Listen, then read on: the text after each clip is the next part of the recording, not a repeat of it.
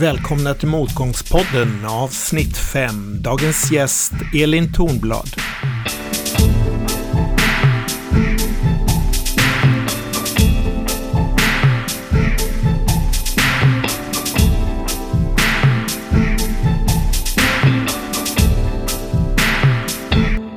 Hej och välkomna till Motgångspodden. Vi är faktiskt redan vid avsnitt 5. Och eh, jättekul att mina poddkompisar är här. Hej Hanna! Hej hej! Och Jonas också. Hej! Förra gången så hade Hanna, du hade varit eh, i Indien, då fick vi en liten recap på det. Men du fick ju utrymme då, men du ska faktiskt få lite utrymme den här gången också. För, för det, det har hänt lite grejer, inte bara i Indien utan här på hemmaplan också. Ja, men det är väl att jag är tillbaka i, eh, i startup och entreprenörskapsvärlden. Så jag sitter här på Norrsken House och eh, har jobbat sedan förra året på ett bolag som heter Eppo, ett health tech-bolag. Ehm, så det är superkul och eh, väldigt passande såklart nu när vi är igång eh, och eh, träffar entreprenörer och utforskar det här att också själv på riktigt vara tillbaka i, i den här världen. Och Jonas, vi brukar fråga dig om du har gjort några investeringar sedan vi såg sist. Vi tittar på mycket, men vi väljer väldigt få saker. Nej, jag har faktiskt tittat på ett superspännande bolag inom energisektorn här i veckan. Men eh, jag, jag håller det lite hemligt. Det kommer bara bli så här framöver att Jonas kommer bara säga superspännande varje gång och sen får jag inte säga något mer. Vem vet, kanske det. Hur som helst, vi är inte bara vi tre här, utan vi har faktiskt en av våra önskegäster som vi, när vi spånade om den här podden, vem vill vi ha som gäst? Och hon tackade ja! Och det är ingen mindre än Elin Tornblad. Välkommen till Motgångspodden. Tack så mycket. Gud, man blir ju generad av en sån önskegäst. Det har nog aldrig varit någonstans tror jag innan. Man funderar över det, att, att bli inbjuden just till Motgångspodden om man, om man tycker att det är, är liksom... Jag ja. väljer att se det som en komplimang, inte någonting annat. ska du absolut göra. För de som inte känner dig som innan då, så lite kort här ska jag försöka mig på en presentation då. Att du är ju i grunden då, du har utbildat dig, du är en väldigt kommunikativ person och du har även sett till att skaffa dig eh, akademiska meriter inom media och kommunikation. Så det är det du är i botten. Men av någon anledning sen så byggde du på detta med en masterutbildning i entreprenörskap. Och det ska du få berätta lite mer om, hur det kom sig då. Eh, men de här kommunikationskunskaperna, de har du använt i ett antal sammanhang, bland annat Head of Communications för Jubileumsklinikens cancerfond. Eh, mm. och TEDx Göteborg. Stämmer detta? Ja, men det stämmer bra. Det har varit eh, TEDx var jag engagerad i i många år. Det var jättekul. Det var också så jag lärde mig att eh, göra mycket kommunikation för väldigt lite pengar, det vill säga nollbudget. Och även vad gäller Jubileumskrikens cancerfond, där jag varit engagerad i start sex år. Där är det också att vända på varje krona och få ut så mycket som möjligt av kommunikationen. Så det har varit mina jag skulle säga de två bästa skolorna för kommunikation är att lära sig att marknadsföra utan pengar. Du har även provat på andra saker där man oftast inte har så, så mycket pengar. Det vill säga du har, har även, och det är det vi ska prata eh, eh mer om idag. Du har provat på tech-entreprenör i ett bolag som heter Potato Plastic. Eh, och mm. eh, där eh, under tiden som vd och, och grundare i bolaget så utsågs du 2020 till Female Founder of the Year av Dagens Industri. Det stämmer bra. Det känns nästan som det finns ett tema där, göra saker utan mycket pengar. Det är väl någon självspjäkning kanske. Men från att vara ett Female Founder of the Year 2020 till att sen lägga ner bolaget året efter. Det är ju en resa som vi gärna vill prata mer om naturligtvis i Motgångspodden. Men eh, det här har då lett fram till bland annat då att idag så, så driver du någonting som kallas för holograf. Eh, och som har med kommunikation misstänker jag att göra, eller? Ja, men precis. Eh, ordet holograf är ju något som kanske inte så många känner till. Eh, och det ska faktiskt min eh, kära sambo creddas för, för att han skulle säga hologram till mig och sa holograf. Precis när jag skulle komma på vad mitt eh, bolag skulle heta.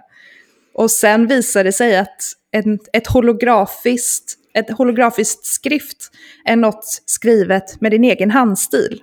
Vilket passar väldigt bra eftersom eh, mitt bolag Holograf då jobbar med branding av olika slag eh, inom startup-världen och framförallt eh, personal branding då, som är min specialitet.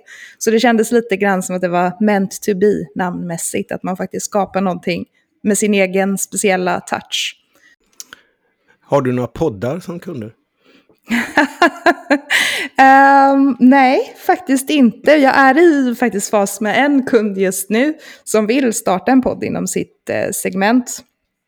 Uh, så vi kollar lite på den möjligheten, absolut. Ja, vem vet efter det här avsnittet kanske du har ytterligare kunder. Ja, det låter så. Ja. Mm. Men nu tycker jag det är dags att vi kastar oss över eh, lite grann det som är temat för podden. Och det är motgångar, men i ett sammanhang som handlar om entreprenörskap och startups. Och då är vi väldigt nyfikna på hur kom det sig att du valde entreprenörsbanan? Och jag förmodar att ett viktigt val var att söka en, en utbildning, eh, entreprenörsskolan på Chalmers. Berätta lite om det. Ja, men verkligen, det var ett enormt eh, viktigt steg. Jag har ju, som du nämnde i början, en eh, kandidat i mediekommunikation. Ville väl egentligen bli journalist från början, har alltid varit väldigt intresserad av berättande eh, av olika slag minst av fem syskon, det vill säga man gillar uppmärksamhet och slåss för den, då vill man liksom synas, typ som journalist eller skådespelare eller vad som helst. Men jag kände efter tre år, då när jag läste min kandidat, att det var någonting som fattades lite grann. Jag hade lite jobberbjudanden sådär, eh, göra Facebook-annonser som man kanske får göra som junior och kände att det var någonting som fattades. Och sen hade jag hört om entreprenörsskolan på Chalmers. Och så var jag på en introträff och pratade med, eh, jag kommer inte nämna honom vid namn, men ni alla tre vet vem det är, som jobbade på Chalmers entreprenörsskola innan och berättade om min bakgrund, vad jag gillar att göra, jag älskar litteratur och teater, så här, gillar den kulturella delen och tänkte det här kanske är nice på entreprenörsskolan. Och då sa han, du kan alltid söka, men vi hade aldrig tagit in någon som dig. Och då tänkte jag, okej, okay, game on bitch. så då sökte jag. Eh, så det var väldigt eh, lite tanke bakom det, ska jag ärligt säga. Eh, jag har tackat honom efteråt för detta, för annars hade jag nog aldrig sökt. Vi, vi, jag tycker om honom jättemycket idag. Um, men jag tänkte väl, hade, jag hade liksom en känsla av att jag ville göra någonting annat. Är det en master i kommunikation eller är det en master i entreprenörskap? Nu blev det lite sådär hipp som happ, men från första dagen egentligen Eh, när jag kom in där och alla andra var ingenjörer eller eh, jurister typ. Det var de enda som var i min klass. Så kände jag mig som ett ufo. Och eh, trivdes kanske ganska bra med det. Från att ha varit alltså, i en ganska homogen grupp där man, alla andra jobbade också med kommunikation och sådär, var ungefär som mig och såg ut som mig, så var det väldigt härligt att bara hamna i miljöer där allting var helt annorlunda och bara få alltså få utforska lite vem man är under, under den eh, pressen som det faktiskt också är att gå ett sånt masterprogram. Jag vet inte hur, hur, mycket, hur känt det här masterprogrammet är, men man blandar ju människor från, från hela världen och från massa olika eh, alltså utbildningar egentligen. Och eh, testar och ser vad som händer om man sätter ihop dem i olika konstellationer i olika projekt. Och det snacka om eh, lärande resa Eh, vilket också såklart, alltså man pratar mycket om vad är entreprenörskap och vad är risk och vad är osäkerhet eller uncertainty som man kallar det på entreprenörsskolan.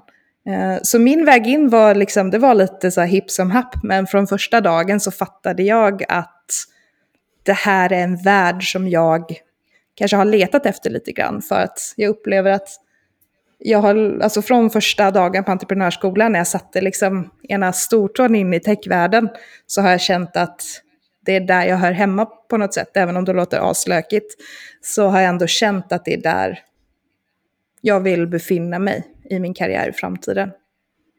Eller kulturchef på GP. det ena utesluter inte det andra, eller hur? Nej, eller hur? Jag tänkte Men det när sen- Björn Werner slutade, Mm. att jag, nu är det min tur. Jag tycker också det är väldigt kul att höra ändå att, att gå till tech med, när man har en så kan man säga, lite alternativ bakgrund. Jag tror det är väldigt bra för folk att höra det. Att om man tycker det är spännande så man måste liksom inte ha läst teknisk fysik på något ja, teknisk högskola för att börja jobba i tech. Det finns otroligt mycket mer att göra där. Det tror jag är viktigt att komma ut med de historierna. Så vad roligt. Ja men verkligen, och jag tror att det behövs mycket mer. Jag tror jag skrev det i mitt ansökningsbrev också till Entreprenörsskolan.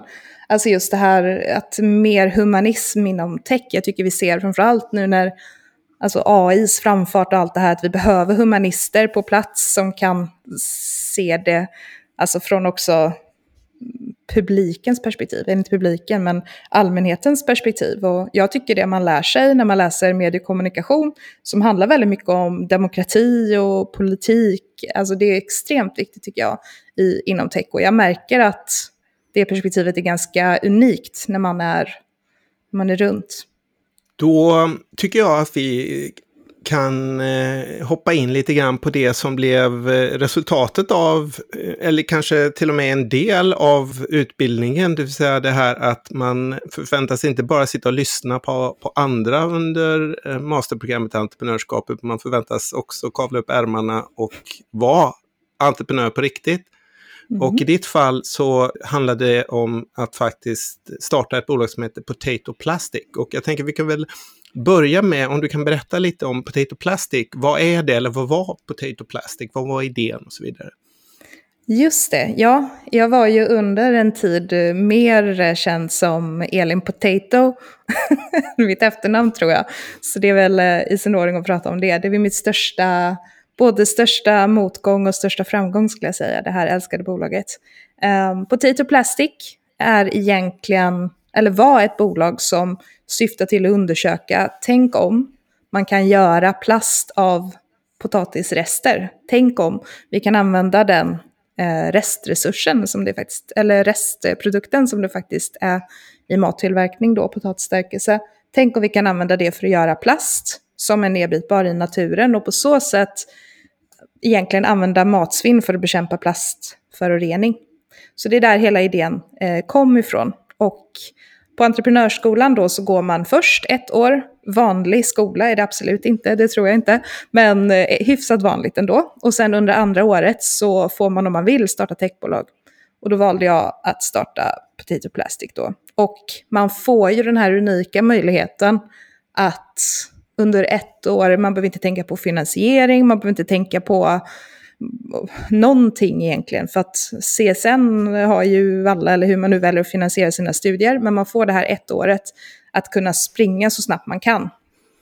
Eh, så vi valde, eh, jag grundade det tillsammans med några andra då, eh, vi valde att bara springa snabbt som fasiken för att verkligen undersöka, tänk om det går. Och ja, eftersom jag är med i den här podden så kanske man redan har liksom kunnat lista ut lite grann hur det gick, men eh, Eh, det var det vi, våran tanke var ju revolutionera plastindustrin. Väldigt mycket text som man ser om handlar ju om disruption, alltså disrupt, disruptive ideas. Och det var verkligen det vi, eh, vi hade helt enkelt och ville förändra hur vi hanterar plast och hur vi ser på plast och sådär. Men så är ju upplägget på entreprenörsskolan är ju att oftast så är det inte, och så var det ju inte i det här fallet, en idé som ni själva egentligen eh, hade, utan upplägget bygger på ett samspel mellan eh, entreprenörsinriktade eh, drivna människor och människor som kanske har en idé som de själva inte riktigt vet hur kan vi förverkliga den. Eh, stämmer det i det här fallet också?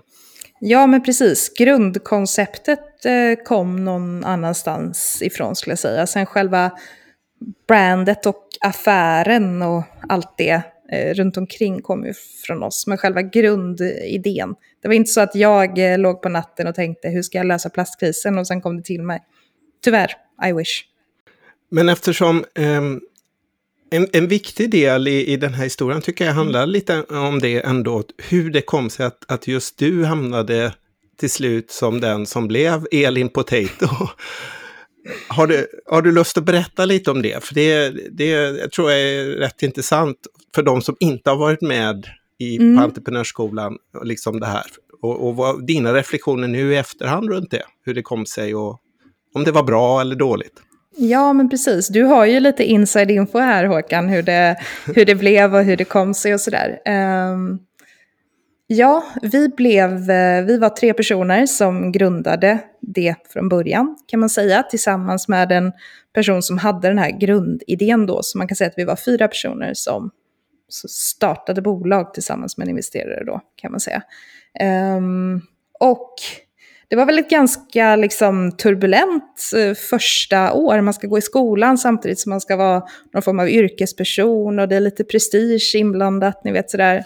Vem syns, när, hur och var och sådär. Och vi märkte ganska tidigt att det här kanske kommer flyga. Alltså sådär att själva varumärket kommer flyga och vi fick bra kontakter i plastbranschen och sådär. Um, och det var väl när man går från det här att det bara är 100% lek eller lä lära sig till att okej, okay, vänta nu, det här är liksom ett potentiellt jobb eller så efter studierna. Så började väl gnisslet kan man säga. Jag bestämde mig ganska tidigt att den här formationen som vi är i, vi fyra, kommer inte funka. Eh, I, som ett jobb, som ett eh, skolprojekt så kände jag ganska tidigt att det är klart, man kan, jag kan jobba med vem som helst nästan så. Men, eh, så jag bestämde mig ganska tidigt att det inte är inte det här som kommer bli bolaget efter studierna. Eh, och det gick väl inte superbra den här, eh, vad ska man säga, transition. Det låter så töntigt att prata svengelska, men jag vet inte vad det heter på svenska. Övergången heter det. Övergången från liksom ett, eh, så, alla är glada studenter som får driva ett coolt techbolag och pitcha och sådär, eh, till att faktiskt driva ett ett bolag gick väl inte helt smärtfritt kan man inte säga. Men det kan också vara intressant som, som bakgrund där att förstå eh, hur det kom sig att det var just ni, fyra så. Ja, exakt. Det har jag också frågat mig några gånger såklart med tanke på hur det blev och sådär. Eh, jag tror det är skolan då, eh, Chalmers entreprenörsskola, som väljer grupperna. Och jag tror att de... Eh, man försöker väl få en blandning eh, såklart, alltså av olika kompetenser och sådär. Men också så tror jag att det finns ett mått av att de vill testa lite olika scenarier. Jag tror lärarna skriver väl också alltså papers och sådär om oss. så det finns något mått av det också, att man vill testa. Det är ju alltid, det, säg att man är 20 elever kanske, nå, någonting i klassen. Det är ju alltid några team som imploderar fullständigt. Och jag tror ju att det finns någon mening i det. Alltså man vill testa och vart går gränserna och sådär. Så varför det blev vi fyra vet jag faktiskt inte riktigt. Jag var ju väldigt inne på, jag vet inte om jag kanske är lite så, har lite tunnelseende, men jag var ju väldigt inne på själva idén. Eftersom när jag hörde ordet, eller namnet Potato Plastic så började jag liksom direkt tänka brand. Vad kan vi göra med det här? Eftersom jag inte är tekniskt eh, lagd så var det inte min första go-to. Liksom, hur, ska vi, hur ska vi lösa massproduktion av det här materialet för att ersätta plast? Det var inte min första, det var kanske min tjugonde tanke. Um, men så jag, jag ville verkligen eh, testa, vad kan man göra med det här brandet? Hur kan man bygga det? Vad finns det för möjligheter? Hur kan vi bygga ett community runt det? Eh, det var det jag såg. Och sen så skulle jag säga att det var liksom inget fel på någon av oss fyra skulle jag säga. Men matchen var inte så bra. Eh, och det visade ju sig sen eftersom vi inte fortsatte tillsammans. Utan det var bara jag eh, som fortsatte.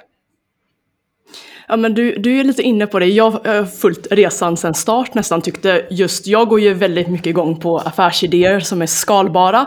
Och sen är ju kommunikation, jag är också eh, kommunikationsbakgrund, men det går inte att liksom branda upp vad som helst utan det måste ju finnas något riktigt där. Och det hade ju ni, tycker jag, eh, givet eh, utmaningarna att jobba med någon typ av eh, hårdvara eh, och så.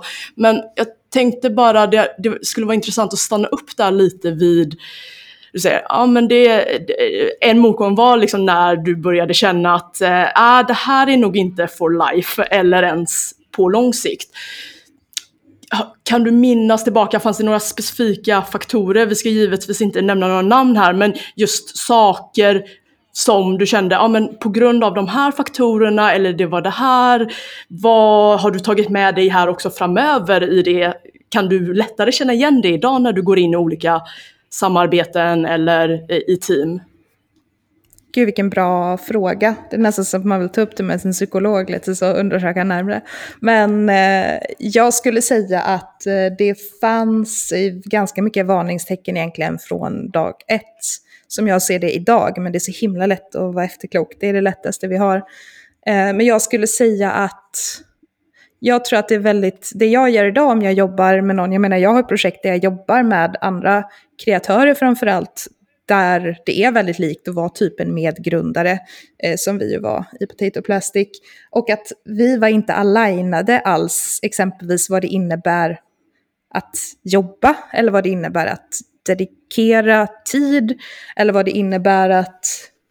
Ja, vi hade väldigt olika syn på saker som jag tror är jätteviktigt att vara alignade kring när man ska driva bolag tillsammans. För att på en bra dag så hade vi askul, liksom. Men på en dålig dag så var det inte så kul. Och jag tror att det är väldigt viktigt att man måste kunna ha dåliga dagar ihop med den man driver bolag med. För det är, alltså nu driver inte jag bolag så länge, jag jobbar ju med, med grundare som har riktigt dåliga dagar ibland. Eh, när man liksom, ni vet, ska resa kapital eller vad, vad det nu än är. Men det här, också synen på arbete och synen på vad vad det innebär att komma framåt och sådär. Det skulle jag säga var riktiga sådana varnings, eh, varningssignaler som jag idag är väldigt, eh, väldigt noggrann med att fånga upp. Men också faktiskt personkemi. Att man kan bli lurad av om man har mycket personkemi med någon. Så kan man ju ibland bortse från saker som kanske är stora röda lampor. Det gäller ju alla typer av relationer. Man kan ju bli kompis med någon på en fest och bara wow, vi har sån kemi. Och så ses man efteråt och bara gud vad den här personen tar energi. Liksom. Det har ju hänt oss alla, det ser jag direkt på era ansiktsuttryck.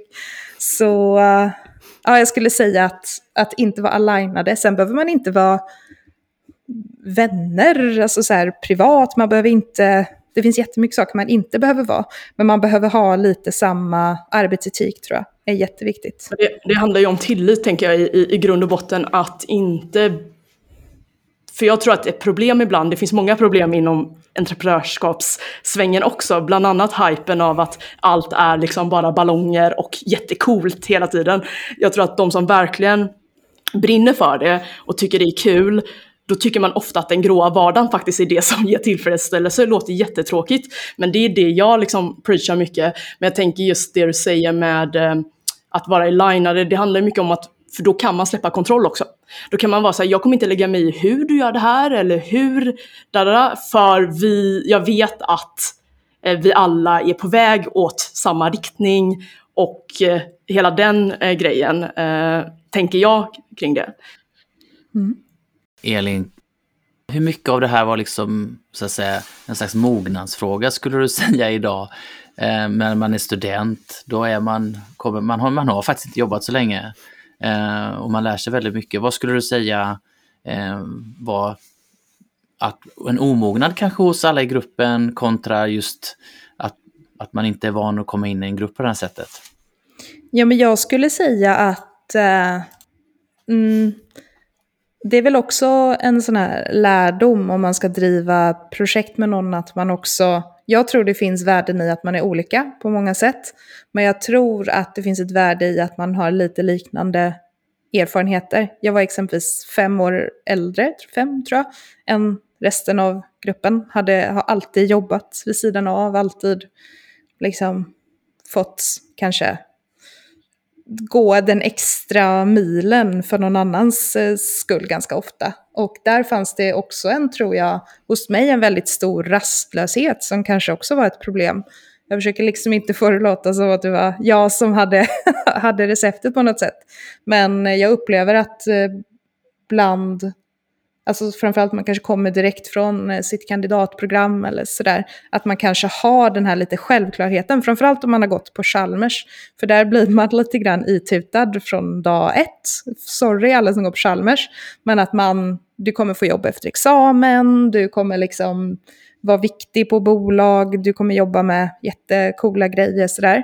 Eh, på mediekommunikation, där är ju från liksom från eh, årskurs ett så är det så, vi måste jaga extra jobb, vi måste komma in här, för jag vill ha jobb om två och ett halvt år. Liksom. Eh, och den mentaliteten finns inte alls på Chalmers. Så det skulle jag också säga, så sätt, sätt inte in en humanist i en sån grupp då, för då kommer det bli rastlöst, liksom att man måste framåt hela tiden, överprestera hela tiden. Och det upplever jag inte riktigt finns på samma... Nu låter det som jag sågar Chalmers, det gör jag inte. De är mycket smartare än mig uppenbarligen, för de går på Chalmers liksom. Men det finns en grit hos humanister som kanske inte alltid finns. Uh, för att man har behövt göra det om man vill ha en karriär efter examen. Hanna nickar väldigt det, mycket här. ty, men tycker det är spännande, alltså, man kan ju reflektera hur, hur man själv liksom går in i saker och ting nu eller för 20 år sedan, absolut. Men om vi vänder lite på det då, vad, vad var det mest positiva med att komma in i den här gruppen från hur du hade liksom gjort och jobbat på saker i, tidigare? Uh, ja, men det var väl att få liksom, alltså komma in i gruppen, jag vet inte, det var också så himla kort tid. Mm. Jag tänker väldigt sällan på den tiden när jag tänker på Petit och mm. Plastic, liksom, för att vi, mm vi gjorde såklart mycket bra under det året, men det verkliga arbetet började ju mm. efter examen, när man faktiskt också kunde mm. eh, dedikera heltid eh, åt det. Mm. Men såklart man lär sig jättemycket. Det var en jättedramatisk eh, uppgörelse. För att jag bestämde mig då att eh, det här är inte någonting jag egentligen vill jag gillar bolaget, eller liksom idén, konceptet, men jag tror inte på den här gruppen, vilket jag då sa och ville egentligen lämna. Jag hade lite andra dörrar öppna, började liksom kolla på annat. Um, men sen så blev det ju inte så, för att det blev då en, som säga, två läger, låter jättedramatiskt, var det väl inte riktigt, men de andra personerna engagerade i bolaget ville gärna att jag skulle fortsätta, eh, även fast jag kanske inte riktigt ville. Så då blev det att jag tog över hela bolaget istället. Men det var under ganska dramatiska former. Det var eh, mycket, mycket drama inblandat, kan, kan jag säga. Och hur hanterade du det?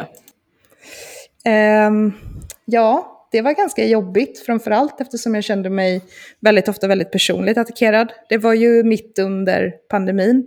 Så eh, man träffade ju inte sin klass och sådär, för det spred sig ju ganska snabbt i klassen att jag hade tagit över bolaget från de andra och ni vet, massa sådana där. Jag hade en incident där jag var tvungen att anmäla en person för förtal, bland annat.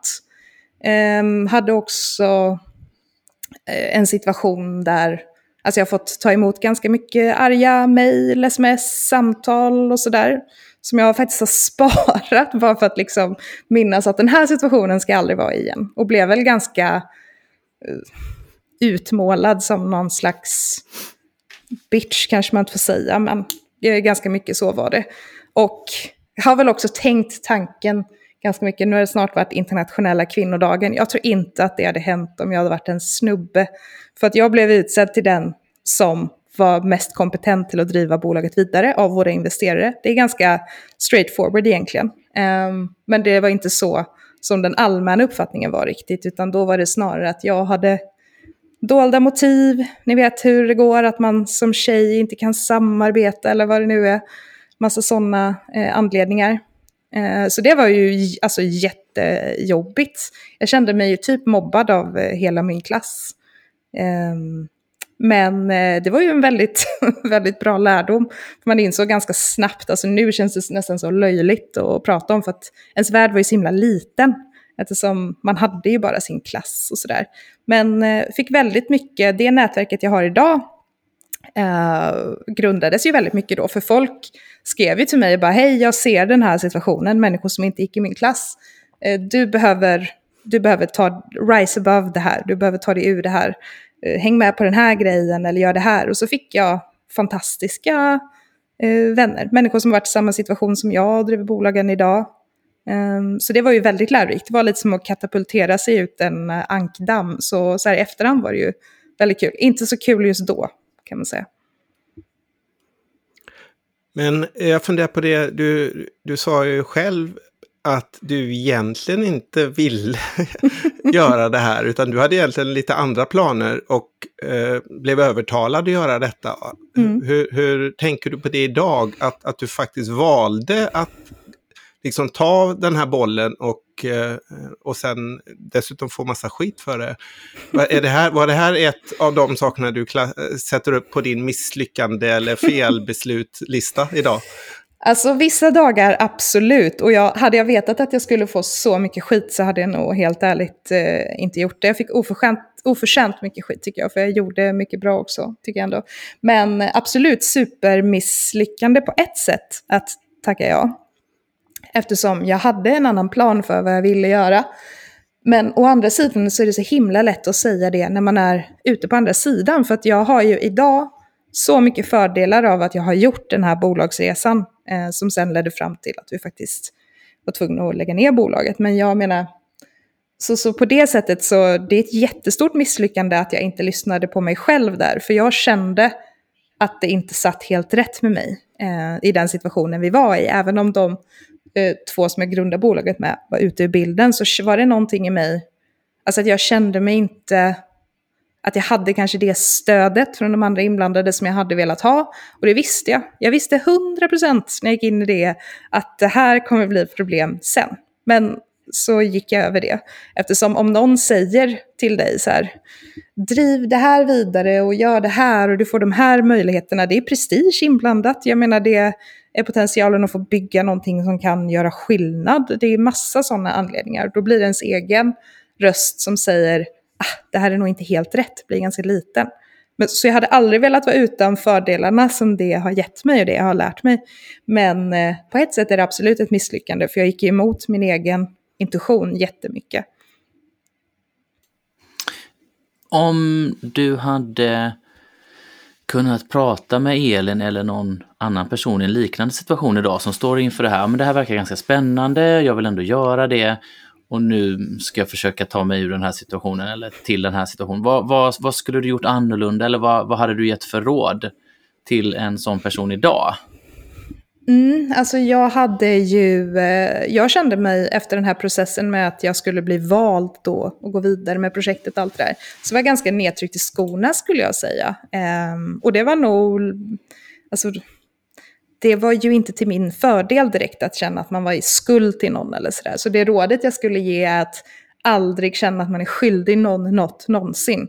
För det är den eh, känslan som utan konkurrens har gett mig gjort att jag har gjort absolut mest fel beslut och inte krävt saker där jag borde krävt och så vidare.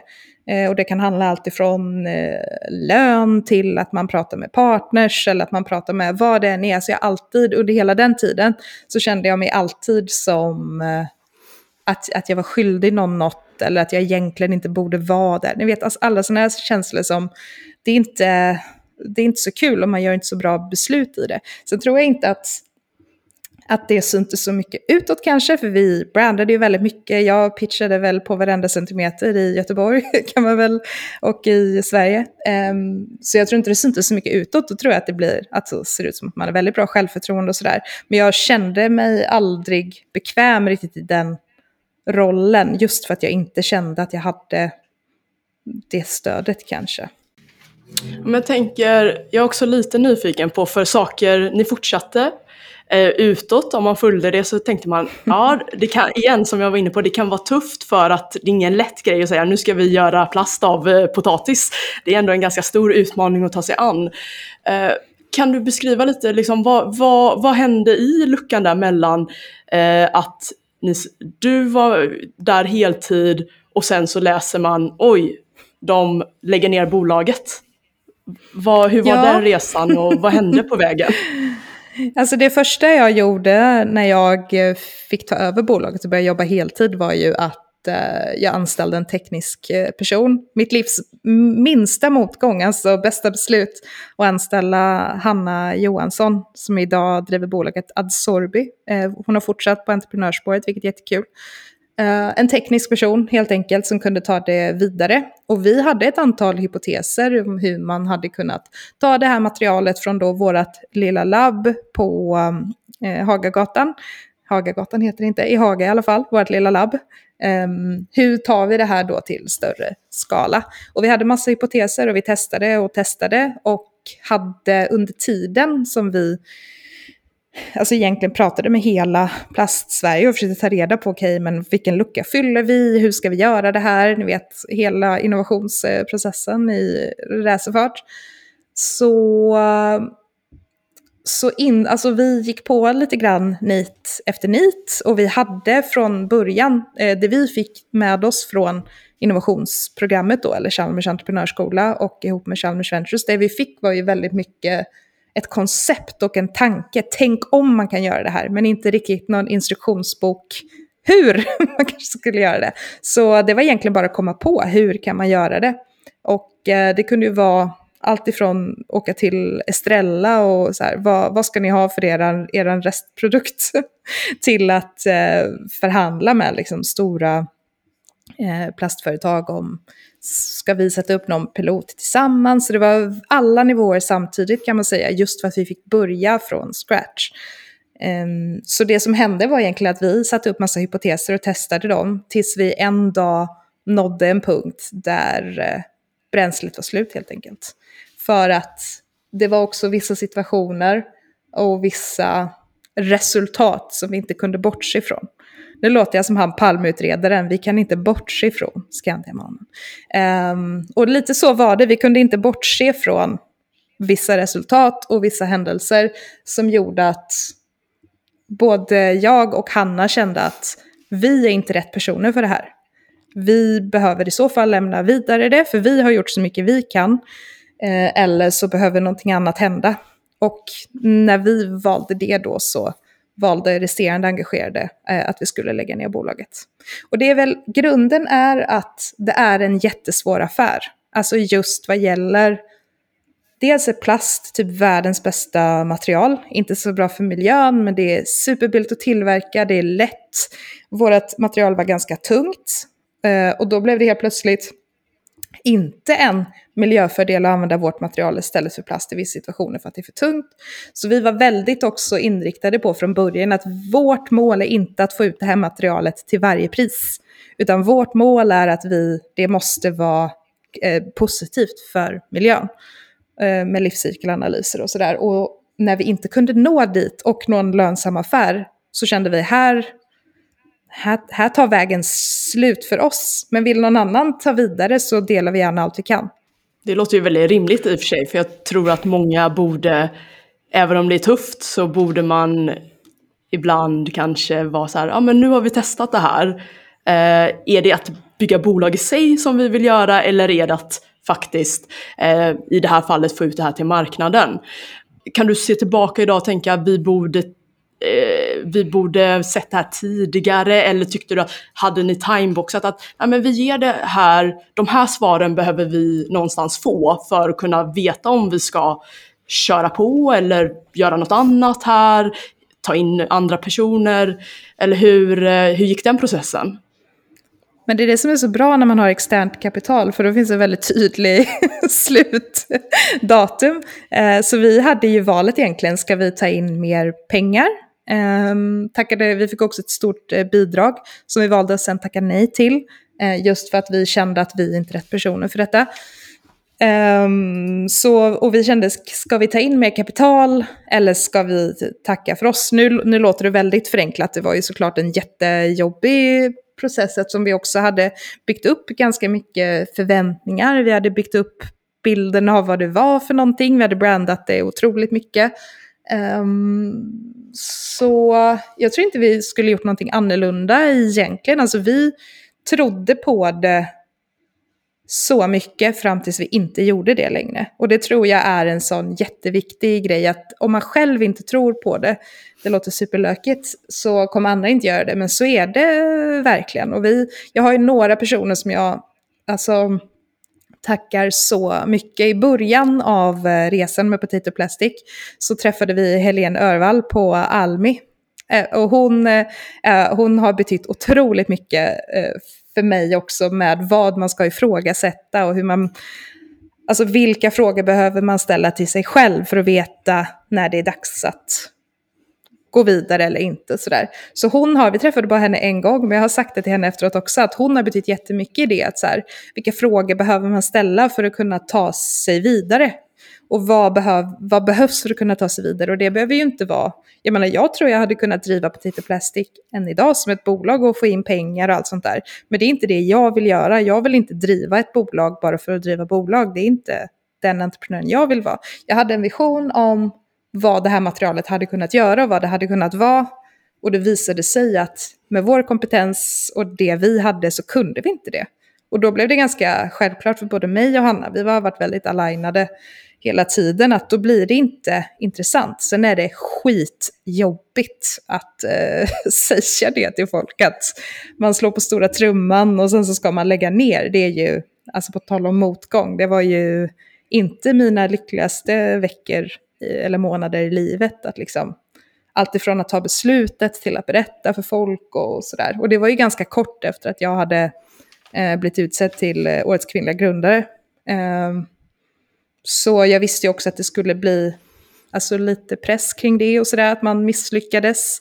Och det är ju inte askul så personligt, men jag har aldrig ångrat det.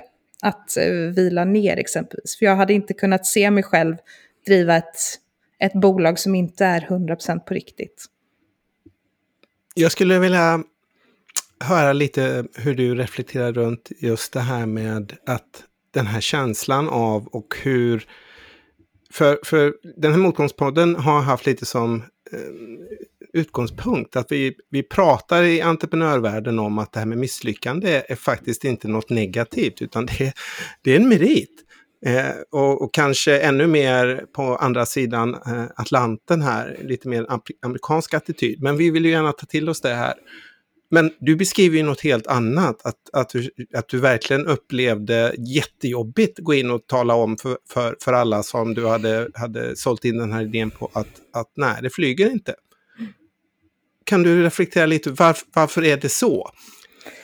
Är det hos dig personligen eller är det, är det så vi, vi ser på entreprenörer som inte lyckas? Att de ska skämmas?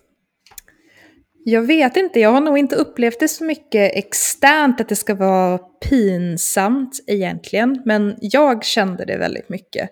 Just för att eh, framförallt kanske om man som vi gjorde var väldigt publika väldigt tidigt. Vi hade ju temat återigen inga pengar att marknadsföra med. Eh, men som tur var så är det min paradgren uppenbarligen och inte ha en marknadsföringsbudget. Så vi hade ju synts väldigt mycket i väldigt många sammanhang och lovat väldigt mycket som vi verkligen trodde på skulle hända. Så det var jobbigt, för jag tyckte att det kändes pinsamt. Och det var många som eh, alltså gav pepp och sådär när, när vi avslutade, men man märker också att de som var skeptiska kanske från början, som tycker att startups i sig är lite töntigt och ni vet hej och hå, hela den biten, fick ju, fick ju absolut vatten på sin kvarn. Att det här eh, startups, det är bara bubblor och man åstadkommer ingenting och sådär. Um, och det var jobbigt och ja, det kan jag verkligen känna att, att, att man skäms. Jag pratar inte så mycket om det idag exempelvis. Jag brukar inte nämna det, att jag har Alltså vill, jag brukar nämna att jag driver techbolag, men jag brukar inte nämna namnet och sådär, för jag kan ibland tycka att det känns lite så här, lite pinsamt. Eh, också för att alla kommer ihåg namnet. Ta aldrig ett eh, bolagsnamn folk kommer ihåg. Välj någonting annat om ni lägger ner. um, är det ett gott råd från en branding Nej, det är det verkligen inte. Det är ett råd från någon som har kraschat ett bolag. inte jag har bara jobbat eh, på bolag som har svåra namn, så att vilket ja, i sig nej. är en utmaning. det är det verkligen. Och eh, jag hade aldrig velat vara utan, alltså Potato Plastic är ju liksom verkligen, det delar mitt DNA absolut fortfarande. Men eh, det, var, det var pinsamt och framförallt de som kanske inte är helt inne i, i som sagt startup-världen. För där är man ganska medveten om att det finns bra dagar, dåliga dagar och dagar som man kraschar ett bolag. Um, så absolut lite pinsamt. Också att det gick ganska fort. Att det var inte så att Alltså det kom ganska mycket från ingenstans och det upplever jag var lite jobbigt. Eh, och just kommunicera, för det är så här, men förra veckan pitchade ni här eller gjorde det här och vi hade precis fått som sagt ett väldigt stort bidrag och sådär. Och ringa till dem och säga bara förresten vi vill inte ha era pengar. De var så, nej okej. Det, det var pinsamt tycker jag. Om du reflekterar idag över beslutet som sådant. Eh, jag utgår från att eh, du tycker att det var ett bra beslut. Eller, eller och, och, och därmed ett välgrundat beslut. Att ni faktiskt hade gjort ett jobb för att komma fram till beslutet.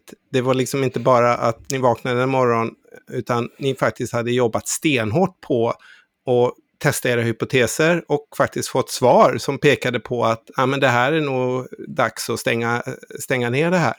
Är, är det inte det som egentligen var det som var Potato Plastic-projektet, eller? Jo, alltså verkligen. Så precis. Då, tanken från början var ju vi springer snabbt, alltså det här fail fast liksom. Eh, eller don't fail at all. Och eh, verkligen, så på det sättet, jag ångrar absolut ingenting. Men var, beslutet var ju också, det kom ju väldigt mycket från mig, men mitt beslut, och det har jag fått väldigt mycket stöd av, framförallt en kompis som är bäst på krissituationer, att det enda beslutet jag kan ta och det enda beslutet jag tog var att jag inte ville vara med längre. Alltså det är det enda, eftersom man måste vara rädd om sig själv som person. Och det i sig bidrog till att vi då gemensamt kom fram till att vi inte skulle eh, ha igång bolaget längre. Men det var väldigt viktigt för mig att så här, jag, även om jag är vd för, var vd för bolaget och medgrundare och sådär, så var det ändå viktigt för mig att säga, men jag kan bara ta ett beslut från mig själv. Eh, och att det var det jag eh, gjorde. Eh, men jag har absolut inte ångrat det, för det fanns inget annat alternativ där vi var då. Sen så är min största önskan att någon annan ska typ sno namnet. Alltså och göra Petite Plastic 2.0 så att jag kan få eh, ge all, allt det jag lärde mig under de två och ett halvt åren. Eh, free of charge såklart. så, att man, eh, så att vi, för jag tror verkligen på sådana typer av lösningar där vi använder restprodukter för att skapa eh, material, absolut. Man kan säga att ni valde ju att fail fast, det vill säga du sa nu lägger vi ner det här. Och det kan man å andra sidan säga att det, det, är, det är väldigt många bolag som skapas i Sverige varje år. Det är många inkuberas. Och, och en annan sätt att göra det är ju mer att bara låta saker och ting fejda ut och sen hoppas att ingen kommer ihåg det. Och på något sätt kan man säga att du, du valde ju nästan att göra det här eh, väldigt publikt och snabbt. Men, eh, så jag tycker väl i och för sig att det är ganska modigt, Elin. Eh, men vad, vad har du lärt dig från det du var med om? Är det något du hade gjort lite annorlunda eller är det liksom, nej, det var lika bra att bara köra? Eh, jag hade nog inte gjort så mycket annorlunda. Framförallt så, även om det tog emot väldigt mycket att vara väldigt publik med att vila ner, så var det någonting som jag bestämde mig för väldigt tidigt. Att eh, vi det var så många som tipsade mig om att fejda ut och hoppas ingen märker allt sånt där. Men det är inte riktigt, jag tycker inte att det är riktigt schysst mot andra heller. Utan jag tänkte att eh, okej, okay, om vi nu eh, lägger ner så ska det, vi go out with a bang. Och det var mycket för min egen skull, för att komma över rädslan att göra det. För att jag tänkte säga, jag vägrar tycka att det här är pinsamt. Även om jag verkligen tyckte det och skämdes mycket eh, på, på vissa sätt. Att man inte kommer dit man vill och så vidare. Men eh, jag hade bestämt innan att jag skulle ha en, eh, en alltså print, printad bild från en pitch som finns på YouTube där det står I feel that we fucked up. så vilket det faktiskt står också på den bilden som jag sedan la ut då. Um, och tänkte bara, nej men jag tänker bara vara helt publik med att det gick åt fanders och det var inte alls det jag sa och det hjälpte så mycket. Sen får mm. man inte glömma att jag kommer från eh, Eh, brandinghållet och framförallt har jobbat väldigt aktivt flera år med eh, personal branding. Och det här var ju också såklart ett sätt att se, okej, okay, vilka dörrar öppnas för mig nu? För att jag tror också, är man med om ett sånt här misslyckande som det ändå är, alltså jag är man kan kalla det vad som helst, att det delar innovationssystemet eller vad som, men det är en jättestor motgång och ett stort misslyckande. Ett stort misslyckande, men det är inte så himla farligt. Men jag vill ändå se då, okej, okay, eh, när man är med om det då, så tror man att eh, det finns ingen plats för mig och jag kommer liksom inte att eh, hitta någonting annat och sådär. Och så tänkte jag, men då testar vi lite då, så lägger vi ut det här. Och det, alltså resultatet var ju mycket av det jag gör idag exempelvis. Hur hade du gjort Jonas? Du, jag, jag vet faktiskt inte riktigt heller. Jag, jag är väl en sån att också kanske lite för envis ibland. Eh, att jag kanske hade hållit på för länge eh, i det läget. Eh, men jag hoppas att jag också hade kunnat eh, inse att nu, nu är det stopp. Och jag är väl sån att när jag väl bestämmer mig för något så bestämmer jag mig för det. Så att då hade jag nog varit tydlig i det. Men jag kanske hade ja, hållit på lite för länge. Det är inte omöjligt. det har jag gjort i, i, i projekt. Men en liten följdfråga där till både dig Jonas och Håkan då som har investerat i bolag och, eller varit rådgivare mycket då. Märker ni har ni då aktivt ibland arbetat för att eh, separera hur ni själva agerar och vad ni ger för råd? Eller hur, eh, för det kan ju också vara farligt att ha just i styrelser, investerare och liknande som ibland kan vara, ja men eh, nej men vi kan nog twist and turn här för att få saker att funka för igen, branding kan man ofta jobba på, man kan jobba på många grejer i ett bolag, men om till exempel eh, det kommersiella inte funkar, då måste man ju, ja, då finns det liksom ingen återvändo mer än att antingen byta affär eller stänga ner, tänker jag. Ja, jag kan... Eh, båda de här två perspektiven som du tar upp. Jag, dels lite grann som Elin har kommit in på det här att faktiskt själv ta en reflektion över vad, vad, vad, vill jag i de här situationerna som man hamnar i. Om man är till exempel entreprenör. Vill, vill jag eller är det här någonting som omgivningen förväntar sig eller, eller tycker är naturligt att jag gör. Eh, nu är jag ju liksom, får jag säga, en annan generation. Jag börjar närma mig slutet på mitt, mitt yrkesliv. Och jag tycker fortfarande det är svårt, men jag har faktiskt under den resan lärt mig och vid några tillfällen tagit, vilket jag idag är stolt över, beslut att kliva av saker där det liksom kanske hade varit naturligt att, att köra. Men för att jag insett att nej, ja, det är faktiskt inte det här som, som jag vill, vill göra. Men det är jättesvårt. Så jag tror att Elin, du med, med dina erfarenheter nu ganska tidigt i yrkeslivet kommer ha möjlighet att använda den här erfarenheten framåt för att fatta klokare beslut runt dig själv då i situationen. Sen det andra perspektivet då att när man sitter på läktaren och ska ge andra råd så har jag faktiskt varit med om precis en sån resa som, som Elin var med om, fast på läktaren. Eh, också med en person som jag upplever har mycket, jag har försökt matcha ihop det lite grann här för att, att just som jag tyckte gjorde ett fantastiskt bra jobb med en idé som inte flög. Men också då där vi eh, fattade ett beslut att lägga ner. Och jag tycker att det var ett jättebra beslut. Och jag tycker att det var ett jättebra jobb fram till eh, punkten att vi valde att till exempel eh, skicka tillbaka pengar till bidragsgivare och så vidare. Då. Men det är jättejobbigt. Eh, och då satt jag bara på läktaren. Eh, och, men jag hade jättemycket samtal med, med den entreprenören om just det här som jag känner igen så mycket i din historia, Elin, om som det här när man har stått och pitchat sin idé och liksom bygger upp förväntningarna och sen ska man komma tillbaka och tala om att nej, det funkar inte. Det är verkligen att få liksom vända myntet till det helt annorlunda och det är jättejobbigt. Men det borde inte vara så jobbigt. Och det är därför jag hoppas att den här till exempel podden inte ska bli en motgång i sig, utan att den ska få många lyssnare som till exempel får höra din historia Elin, för jag tror att det är viktigt och jag tror att vi kommer att få bättre och förhoppningsvis lyckligare entreprenörer genom att de kan fatta de rätt beslut, både för sig själva och för sina bolag. Då.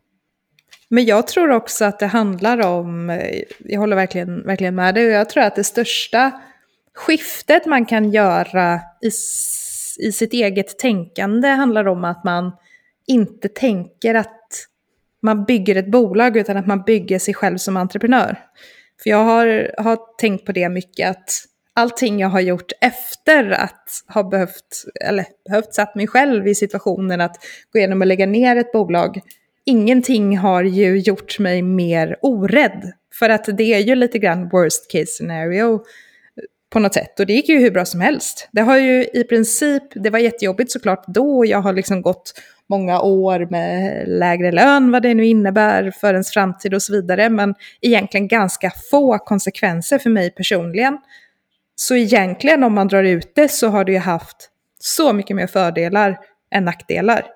Och att våga se det så samtidigt, man kan ha två tankar i huvudet samtidigt, så man kan se det som ett misslyckande, för det var det. Men det kan få vara det och ändå inte vara så himla dramatiskt, för det har ju byggt mig som entreprenör och mig själv och mitt självförtroende och jag tror jag nämnde det för dig också Håkan någon gång när vi pratade, att jag kommer aldrig vara i vissa av de situationerna igen, någonsin, för att jag har blivit en eh, starkare person utav det.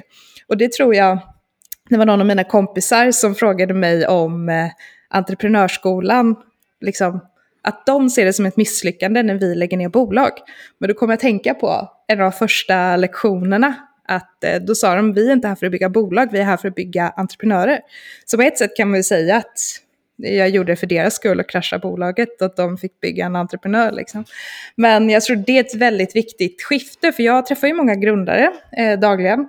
Och väldigt många är väldigt tätt sammankopplade till sina bolag. Eh, för att man, det är mycket prestige och det är mycket, man brinner väldigt mycket för det man gör. Men jag ser också när skiftet sker att man går ifrån att tänka sig själv 100% sammankopplad med bolaget till kanske 50% sammankopplad med bolaget. Det är då de blir de bästa entreprenörerna. Det är tveklöst så, för är man för engagerad i sitt bolag så kommer du inte vara den bästa personen att driva det. Det är jag helt eh, övertygad om och det, det, tror jag inte heller vi lär ut så mycket i samhället. Nu blir det nästan lite brandtal här, men vi lär ut att man ska vara 100% passionerad, man ska vara det här och det här, men man glömmer bort lite grann att man inte blir helt logisk då. Eh, man glömmer bort att det finns ett värde i det här strategiska lagret som bara kan komma om man, om man liksom har en fot utanför. Och det är ju någonting som, eh, alltså verkligen eh, lärdom, att man kanske inte ska vara så sammankopplad heller med sitt jobb. För det är också lite så kulturfråga inom entreprenörsvärlden, att man ska vara, man ska vara sitt bolag och det ska vara hustle culture och allt det här. Eh, men det är inte, alltså, från alla de entreprenörerna jag har träffat så är det inte de som är de bästa entreprenörerna eller driver de bästa bolagen. Brandtal slut.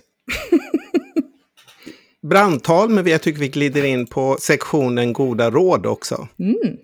Och goda råd som man ger utifrån erfarenhet. Och du sitter ju mer på läktaren nu, eller är, är mer, tar mer rollen som rådgivare. Mm hur har den här resan påverkat de råd du ger dem? Och framförallt tycker jag det är intressant att du är inne på det här att från du jobbar mycket med kommunikation och branding, personal branding, och du nämner samtidigt att det är viktigt att inte vara för tajt sammankopplad med sitt bolag. Mm. Hur får du ihop det som rådgivare nu? Precis, ja det är en bra fråga. Men jag eh, är väldigt, alltså när jag jobbar med personal branding för någon så jobbar jag för entreprenören. Jag vill bygga entreprenören. Och det innebär extrema fördelar för bolaget. Alltså sådär att man syns eh, mer, man blir inbjuden till rätt event och sådär. Men alltså dagligen när jag träffar de här så är det ju personen jag arbetar för. Och jag upplever att de som förstår det, att det finns att det är man själv och bolaget och vi har en viss sammankoppling men vi är inte samma. Det här är två olika grejer. Är de som verkligen eh, lyckas. Sen så, jag menar, eftersom jag själv har drivit bolag så försöker jag att Eh, väldigt, väldigt, väldigt sällan ge råd. Jag kan ge direkta order, absolut, när det gäller saker i min, när jag jobbar med eh, entreprenörer. Men jag har ju väldigt svårt ibland att inte ha åsikter om eh, alltså mer business-sidan. Men då brukar jag vara väldigt noga med att säga så, stopp, stopp, stopp, nu har jag tio tankar om er affärsmodell, är du intresserad av att höra det eller inte? Och för det mesta säger de ja, ibland säger de nej och då vilket som är, är fine med mig. Men någonting som är inflation i är ju goda råd till entreprenörer. Alltså så mycket råd som man får när man driver bolag och så många självutnämnda experter i allt möjligt. Eh, så jag brukar försöka att inte vara en av dem som ger råd. Det låter som ett gott råd. Ta inga råd, absolut inte. ja. ja, jag tror att vi börjar närma oss eh, avrundning på det här avsnittet. Så stort tack Elin, tack Hanna, tack Jonas och tack alla ni som har lyssnat. Så hoppas vi att vi hörs snart igen på, i avsnitt nummer sex av Motgångspodden. Och vem som är med då, det får ni veta om ni följer oss på LinkedIn. Hej då! Hej då, tack så mycket!